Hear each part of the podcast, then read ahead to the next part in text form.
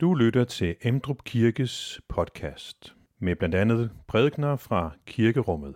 Du kan læse mere om Emdrup Kirke på emdrupkirke.dk.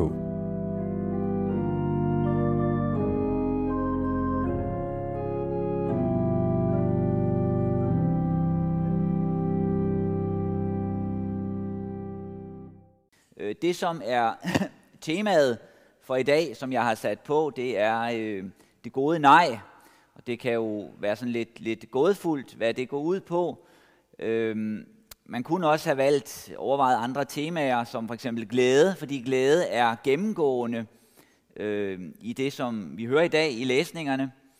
Og man kan også sige, at det præger adventssalmerne og julesalmerne en, en stor glæde, der kommer. Men noget, som vi også møder i øh, dagens læsninger, det er et, øh, et nej, for at netop at øh, det, det gavnlige ja kan komme. Øh, vi skal møde øh, døberen i dag, Johannes døberen, som siger nej til de forestillinger, som forskellige har om, hvem han er. Det er han ikke. Det siger han nej til. Og det siger han øh, nej til, for netop at kunne pege på det gode. Det gode ja. Øh, det gode ja, som man kan have, selvom tingene ikke former sig, ligesom man havde forestillet sig.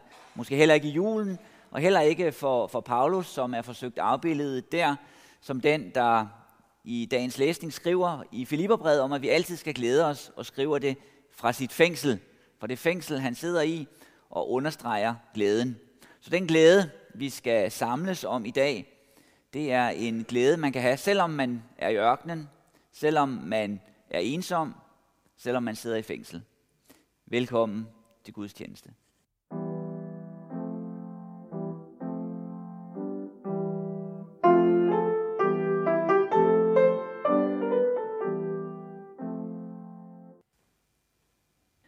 Dette hellige evangelium skriver evangelisten Johannes. Dette er Johannes' vidnesbyrd, da jøderne fra Jerusalem sendte præster og levitter ud til ham for at spørge ham, hvem er du? Da bekendte han og benægtede ikke. Han bekendte, jeg er ikke Kristus. Hvad er du da? spurgte de ham. Er du Elias? Det er jeg ikke, svarede han. Er du profeten? Nej, svarede han. Så sagde de til ham, hvem er du da? Vi skal have svar med til dem, der har sendt os. Hvad siger du om dig selv? Han svarede, jeg er en, der råber i ørkenen, jævn, Herrens vej, som profeten Esajas har sagt. De var udsendt af farisæerne og spurgte ham, hvorfor døber du så, når du hverken er Kristus, eller Elias, eller profeten? Johannes svarede dem, jeg døber med vand. Midt i blandt jer står en, som I ikke kender, han, som kommer efter mig, og hans skorem er jeg ikke værdig til at løse. Dette skete i Betania, på den anden side af Jordan, hvor Johannes døbte. Amen.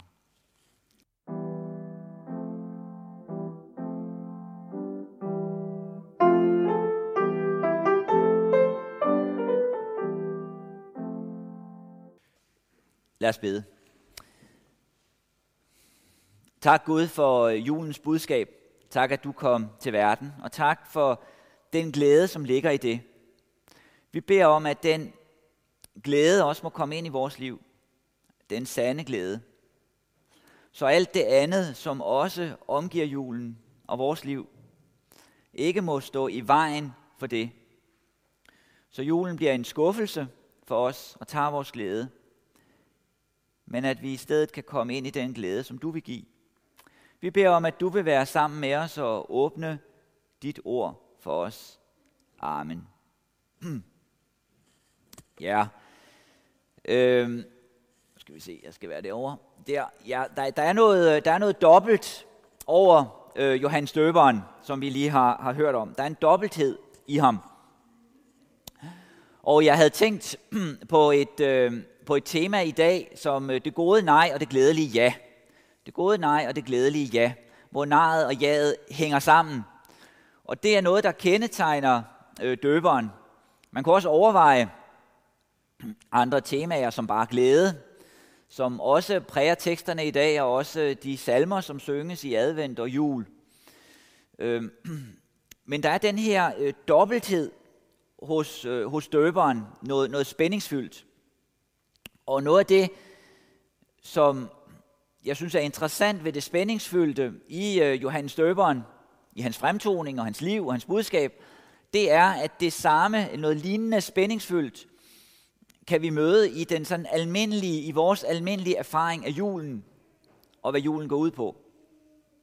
Er jo en gammel afbildning af øh, Johannes Døberen, og øh, det man let kan få af, af Johannes Døberen, det er, at øh, han er ikke sådan en, han er lidt af en festdræber. Altså han er ikke øh, den, den meget mundre fyr, der øh, kommer med, med vidtigheder og gode historier, øh, men han er en, der lever i ørkenen og øh, er sket, siger nej til meget, drikker ikke vin og lever af græshopper, lever på et minimum, og han prædiker omvendelsesdåb. Han prædiker til omvendelse, han prædiker om dom, der kommer. Men samtidig, så er der også en stor glæde i døberens budskab. Det vender han tilbage til flere gange. Han kan tale om, at nu er min glæde blevet fuldkommen. Han kan tale om, at det, som er på vej, det er en fest. Det er en bryllupsfest. Det er en brudgom, der kommer, og det er det, jeg vil forberede til. Det er det, jeg ønsker, at I skal komme ind i, i glæden og i festen. Men samtidig så er det jo også meget tydeligt i døberens øh, budskab, det er, at der er noget, han siger nej til. Så øh, på den ene side kan han jo synes som en øh, i sin fremtoning en, en lidt kedelig figur, men hans budskab er det glædelige. Og det han siger øh, nej til, er netop for at få det glædelige frem. Det er det, der er pointen. Det, der er hans anlæggende og hans sag, det er glæden. Og grunden til, at han siger nej, det er for, at glæden virkelig skal komme ind. Og her, i den spænding, er der nogle øh, paralleller til sådan en almen oplevelse af, hvad julen går ud på.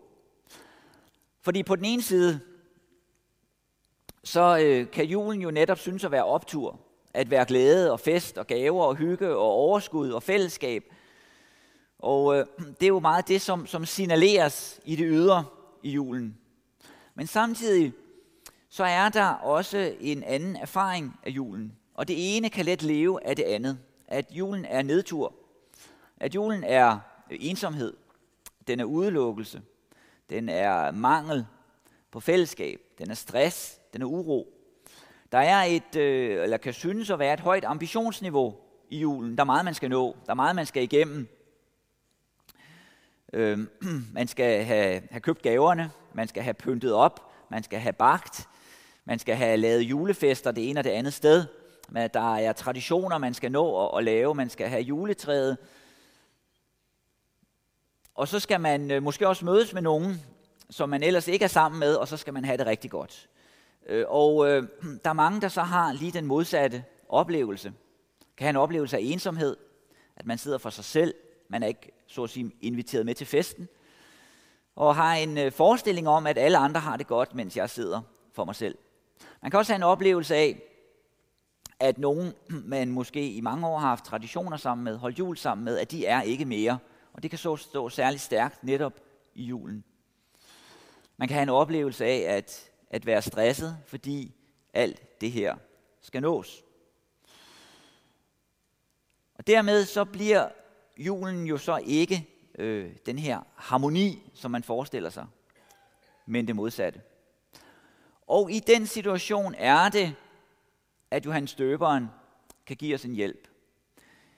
Fordi grunden til, at der er noget, Johannes Døberen siger nej til, det er for ikke, at nejet skal stå tilbage, men det er for, at vi skal komme ind i den rigtige glæde. Hvis vi tager lidt fra teksten før, hvor vi kan se noget af det, han siger nej til.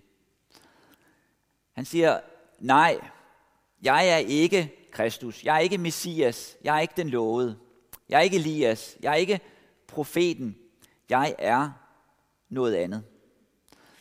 Og grunden til, at han siger nej til det, det er, fordi han ønsker ikke, at han skal være centrum. Han er bare som en røst, der råber i ørkenen. Han er bare som en, der baner vejen. Han er som en, der vil pege på noget andet end sig selv. Væk for sig selv. Og grunden til, at han gør det, det er fordi, at dem, han taler til, han ønsker for dem, at de skal komme ind i den virkelige glæde. I den sande glæde. I den glæde, som man kan have selv, når man er i ørkenen og lever i ørkenen. På samme måde kan det være i julen. Der kan være noget, det kan være godt at sige nej til. Ikke fordi nejet i sig selv skal stå, men fordi det kan skygge for noget andet. Ikke fordi der er noget i vejen med adventskrans og julekrybbe og juletræ og julegaver og julekonfekt og alle de andre ting. Men alt det er bare ment som indpakningen. Som noget, der skal pege på noget andet. Noget, der skal føre hen til noget andet. Og det, som kan ske for os, det er, at det, som ikke er det egentlige, det forsøger vi at gøre til det egentlige. Og når vi gør det, så kan vi ende der, hvor vi bliver skuffet. At julen ikke bliver det, som den egentlig var tænkt til. Og at vi sidder et sted, hvor vi mister den egentlige glæde. Det gode ja, det gavnlige ja, det sande ja.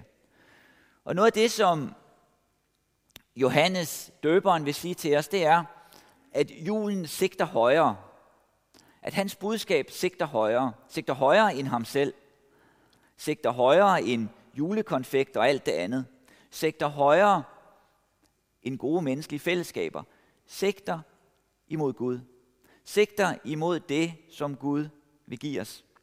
Og hvis vi kræver af andre mennesker, at øh, de skal give os julens glæde, så kræver vi noget af dem, som de ikke kan give os. Og dermed så er vi med til at skabe konflikter i vores eget liv og i vores forhold til andre. Derfor er det vigtigt, at mennesker og menneskelige traditioner får den rigtige plads i vores liv, for at der er noget andet, der kan komme ind. Og noget af det, som Johannes Døberen vil sige til os, det er, at den glæde, som han ønsker for os i vores liv, det er en glæde, vi kan have, selvom vi oplever sorg, selvom vi oplever tab, selvom vi oplever ensomhed, selvom vi oplever, at menneskelige relationer og fællesskaber ikke bliver, som vi havde håbet. Midt igennem det er det alligevel muligt at have en glæde, at have julens glæde, for den er ikke afhængig af det. Eller som vi hørte øh, i læsningen før, hvor, hvor øh, Elisabeth læste fra Filipperbrevet, hvor Paulus skriver, at vi altid skal glæde jer. Glæd jer altid i Herren, skriver han til et, et fællesskab i Filippi. Han skriver et brev, Filipperbrevet, som ånder af glæde, ånder af overskud. Og han skriver det fra et fængsel. Han sidder i fængsel. Han ved ikke, om han skal dø, om det er endestationen for ham, det her fængsel, og så er det slut. Men alligevel, så har han en glæde. For den glæde, han peger på, er ikke afhængigt af, om han sidder for sig selv, om han sidder i fængsel, eller hvordan hans situation egentlig er. Han peger i det brev og i den læsning på noget, der skete engang, at Gud har handlet. På noget, der vil ske i fremtiden, at Gud handler, og på noget, der sker nu, at Gud virker nu. Det virkelig gøres nu. Eller i læsningen fra Esajas 52, der hører vi om Gud, der griber ind midt i ruinerne, midt i sorgen, midt i glæden. Og dermed peger på, at det er muligt, selvom man sidder blandt ruiner, ting der er gået i stykker, så er det muligt at have en glæde. Døberen, Johannes Døberen, han knytter netop til ved Esajas. Han siger, at han er som en røst fra Esajas, som en røst, der råber i ørkenen, som profeten Esajas siger. Som en røst, der taler om glæde midt i noget, der er brudt sammen. Som taler om, at noget skal blomstre, selvom vi er i ørkenen. Nogle gange så øh, kan man støde på formuleringen, at, øh, at Gud ønsker at give os et, et godt liv. Og det øh, kan man jo være, være enig i og sige, det ønsker Gud. Men så kan man have overvejelsen, hvad vil det sige at have et godt liv? Fik øh, Johannes Døberen et godt liv? Var hans liv godt? Fik Paulus et godt liv? Var hans liv godt? De øh, endte jo begge deres liv med at blive, øh, blive henrettet og dø for, for det budskab, som de kom med. Men det, som de pegede på, det er, at det er muligt at have et godt liv, selvom man også er kamp. Det er muligt midt i menneskelige tab at have det gode liv. Fordi der er noget her, der kommer fra Gud. Det er noget, Gud gør. Det betyder, at den glæde, som Johannes Døberen peger på, og som Paulus peger på, og som Esajas peger på, er ikke en glæde, der har sin rod i dem, har sin grund i dem. Og derfor ønsker Johannes Døberen ikke, at vi skal kredse om ham og hvem han er. Den styrke, som han har i sit liv, det er en afledt styrke. Det er ikke en styrke, der grunder sig i ham selv. Grunden til, at han gør det, som han gør, og handler, som han gør, og siger, hvad han gør, det er, fordi han får det et andet sted fra. Han får det fra Gud. Han får det fra Guds løfter. Han får det fra Guds virke i den her verden og i hans liv.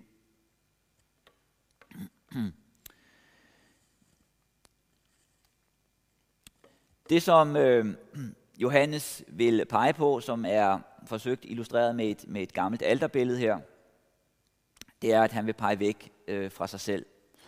Og det vigtige for ham, det var altså ikke ham selv. Og det er også den virkelighed, han ønsker at føre os ind i, i vores liv og i vores jul. Det vigtige for os, det er ikke, hvordan vi kan fejre julen, og hvordan julen, så at sige, bliver ud fra et menneskeligt perspektiv. Men det vigtige, det er, at vi kommer ind i det, som Gud har gjort for os.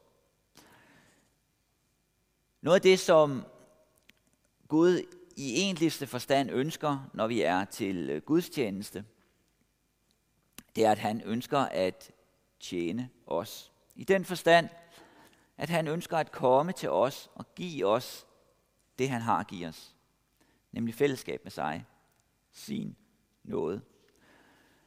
Og den nåde, som Johannes døberen ønsker at føre os ind i, den kommer ikke på baggrund af, hvad vi har gjort og kan gøre. På baggrund af, hvad Johannes døberen har gjort og kan gøre. Men det kommer på den måde, som Gud vil. At Gud handler i den her verden gennem menneskelig svaghed. Og at Gud kan handle gennem menneskelig svaghed. Selv gennem mennesker, som sidder i fængsel, som lever blandt ruiner, som er i ørkenen. Selv gennem et lille barn, som bliver lagt ind i verden og ikke kan tage vare på sig selv. Gennem, selv gennem det, som menneskeligt set synes at være svagt, fjernt, uværdigt, uvirkeligt. Der er Guds virkelighed, der er Guds kraft. Og det er det, han ønsker at lægge ind i vores liv. At det får råd i vores liv, at det får lov at vokse i vores liv. Det betyder, at Guds bestemmelse for os er ikke altid sådan, som vi forestiller os. Det gik ikke altid sådan, som Paulus forestillede sig i hans liv. Han var ikke klar over, hvordan hans fremtid ville forme sig, som han giver udtryk for i, i Filipperbrevet. Om han skal dø nu eller dø senere. Men det var heller ikke det, der var afgørende. Det afgørende var den glæde, som han kunne have i Herren. Den glæde, han kunne have i noget uden for sig selv, i det, som Gud har gjort. Og det betyder, at den egentlige glæde, den egentlige juleglæde, er en, der kommer til os. Det er en, der skænkes os. Det er ikke en, vi skaber ved at skabe relationerne, ved at fastholde traditionerne. Men det er en, der kommer til os udefra. som gør, at man midt blandt ruinerne kan juble. Og jublen skyldes så ikke ruinerne, Jerusalems ruiner eller andre ruiner, men det skyldes Gud. Det er Gud, der rykker tæt på og forandrer. Det betyder, at selvom julen er en øh, sammensat tid, er en blandet tid, en tid med, med glæde og traditioner, som vi kan, kan nyde og være inde i, men også en, en glæde med en oplevelse af tab og ensomhed. Midt i det er det muligt for os at hæve os over det alt sammen og have den glæde, som Gud giver. Den, som er den aktive her, det er ikke os, men det er Gud. Det er Gud, der handler. Det er Gud, der virker. Og det er også det, som kommer til udtryk i de sange og salmer, som vi synger. Når vi om lidt skal synge tak og ære være Gud. Så det, som ligger i den tak, som kommer frem, det er, at det er Gud, der handler. Og det er Gud, som er centrum. Det er Gud, takken retter sig imod. Og når det sker, så bliver julen slidstærk. Så rækker den videre end bare 24. december. Så bliver glæden slidstærk. Så får den virkelighed. Så kan den følge os ud i vores hverdag. Ud i vores tab. Amen. Find flere podcast og læs mere på emdrupkirke.dk